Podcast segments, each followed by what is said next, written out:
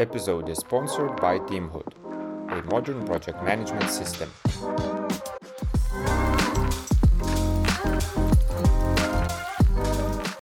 Uh, hello everyone. Uh, again, Agile Day Kaunas 2023. Uh, busy day, almost at the end of the day, and we have one more uh, nice uh, guest. Uh, maybe you can introduce yourself. Sure, uh, I'll be happy to do so. Well, my name is Anna Strinadko. Um, I represent an Oxygel company. Uh, I'm a dedicated Scrum Master and I started my journey in Agile coaching recently. So I'm really passionate about facilitation and everything that goes around this.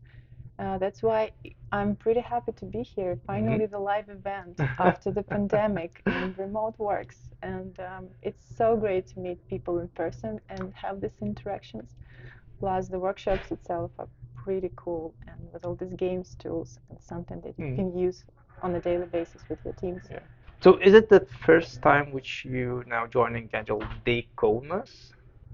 Yeah. Yes, you're right. It is Okay. the first time it comes because I live here not long enough. It's just slightly less than a year, but the community appeared to be Mm. awesome. I've made some connections and they're very promising in terms of further cooperation. So yeah. Yeah, and I think that, again that's one of the biggest uh, benefits of these kind of type of uh, open space uh, conferences. It's this networking connections where you can, you know, have chat here, but at the same time you exchanging your credentials and you after the conference you're keeping the you know the discussions and the sharings, uh, which really valuable actually.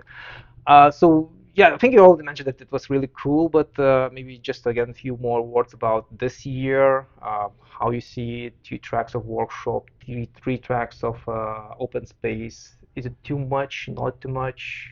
Your your opinion. yeah, well, for me, the day appeared to be pretty intense um, because I've uh, joined three workshops and an open space conversation, and now we're here with you.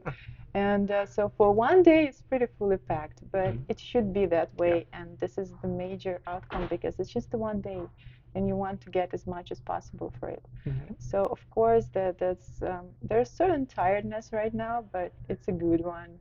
It's you feeling like your brain is growing and, and your heart is feeling with joy. So And uh, you mentioned that you managed to even participate in three different workshops. Maybe which one was the the one which actually you felt that oh that's actually really the best one, like really the one which you would uh, I know recommend to others.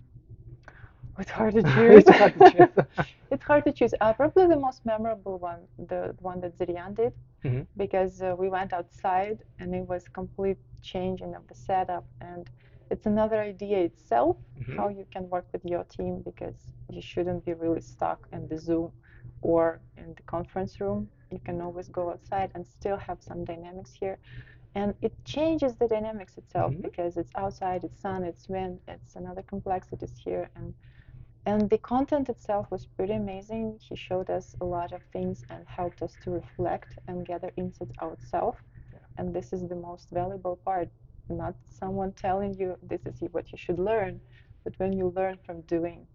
So probably yeah, that's that's the Mm. most We can one. mention that actually it was not planned. It was just you know something Yes. from the spot where after the lunch, which we just did uh, a bit of photo shooting outside of, then it's weather's really great today, and then uh, he just mentioned, oh look, we can go back and, and close ourselves out under these four walls, or we can stay here. And you know, I think it was Yeah. again really unexpected, but at the same time it gave this this nice feeling that you don't need to follow the plan again. You can adopt the changes Yeah. and uh, these small details memorable so again even your team think about these kind of things it's uh, really cool I agree with you. yeah at the same time you mentioned that you joined the open space and uh, how was the open space uh, all of the setup of that It's a new experience for me because uh, for a very long time we were locked down and you didn't have a chance to pitch your ideas to someone else and stand up in front of the public.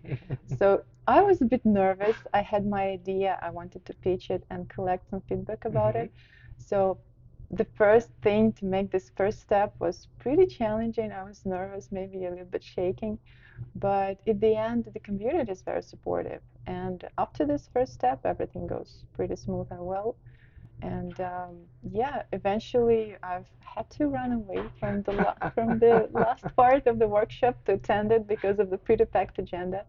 But I was um, surprised and grateful to people who stayed there extra minutes waiting for me to come. And we eventually had a very marvelous conversation. We shared a lot of ideas together, and uh, this is the communities Yeah. for. So Yeah. you can find advice and share your ideas and be helpful and get help in exchange. So So we, we can again mention that in open space, uh, at least this year, we had, you know, the options to uh, pitch our topics, our ideas, if we want to actually, you know, uh, talk about specific thing, and you pitch the ideas. That's right. yes. Um, how was is it, is it again? You mentioned that it was a bit stressful, but maybe you can um, recommend or suggest something for uh, people, uh, teacher, pitchers. Is it you know scary, hard, uh, and and just you know what to do? Of course, it depends on the personality. Like, um, but if you're a Scrum Master, you're probably not new pitching ideas and presenting in front of the people. So, uh, the preparation is the key. You need to think in advance about the topic you want to have, and if you ha- can find the time and uh, just prepare two, three sentences, that would be enough for the start. And then, if the audience would be interested, they will ask you questions, and there will be a conversation around it. Still, it's not that scary because it's just one minute, and it's one minute, okay? it's not that hard, like pitching for 15 minutes in Yeah. front of the audience. It's not a TED talk, but it's easy in a way, and um, just yeah, it, it would be scary, but please do this first step because there is a whole new journey Oh, yeah. after this, And there will be definitely many supportive people. of course. Yeah. And, And uh, I'm then a, a bit curious because I think you mentioned that uh, your uh, topic or pitching uh, idea was about retrospective. Is that right? And usually, you know, about retrospective, it's uh, not something new. There are a lot of material you can read. You can, you can, you can, you know, even uh, participate in the different conferences to see YouTube and, and so many things. So there's a lot of information already. Did you still had some new ideas or new things in this group? Surprisingly, yes. and I was hoping for it because yes, there are tons of information, but eventually they follow the same patterns, just Mhm. providing you different forms of rephrasing the three main questions Yeah. for the retro. And um, I, for me, was always curious and I was passionate about finding the new angles. What are the other formats could be? I don't want to constantly rephrase the three Yeah. standards patterns. I want to do something else. I want to have fun. And although I have some inventions of myself, Mhm. it's always limiting you. And sharing and being able to share the ideas and exchange the experience of have you tried this? Did it work well for you? What would you suggest? Like, what is the outcome of this formats? Um, it, it is valuable by itself, but answering the first question, did you get new ideas? Yes, I did, surprisingly. Yeah. Um, although it was a small group, like five, six people, we have found another ways of doing retros and Yeah, other formats. And that's actually what I noticed that this year, as there was two tracks of uh, workshops there, so the more people actually joined workshops and the less of us in the open space. But it's still even those five, six people, they shared their own, you know, things which worked in their environments. They could provide more, uh, you know, why it worked, different things to try. So I totally, you know, agree with you that uh, again, it's not a number; it's the, it's the knowledge which It's surrounds you. Yeah, and the quality. It's not the number. It's it's a willingness to share and um, share the experience basically because you can read tons of books, but nothing can compare to the real experience of a real person Oh, yeah. and being human. And this is where all the value comes from. that's what you know that's that's why these or different type of uh, conferences it's really nice to attend because there are like conferences where you just joining and seeing the slides and then Mhm. there's those open space where uh, or workshop space and open space where you can gather and join the workshop at the same time you can you can just meet people networking and then uh, express your those topics which you would like to you know deep dive into and you will definitely find the knowledge in here Yeah, and I would admit that this Agile Days is not like a regular conference where you attend and Mhm. someone presents something to you, and the only opportunity to network and meet people is like coffee breaks or lunch.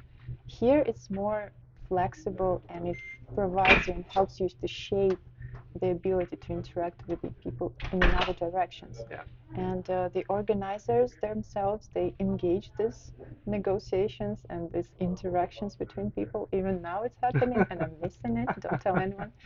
Uh, but yeah, Yeah. It, it's a huge distinction between a regular conference and an Agile Day Kaunas. And I've, I've genuinely loved Yeah. it because it, it's so much bigger than just Mhm. a conference. And I agree with you. And actually, I think uh, we can end this talk about this for now because maybe we'll have a even separate topic for a proper podcast discussion.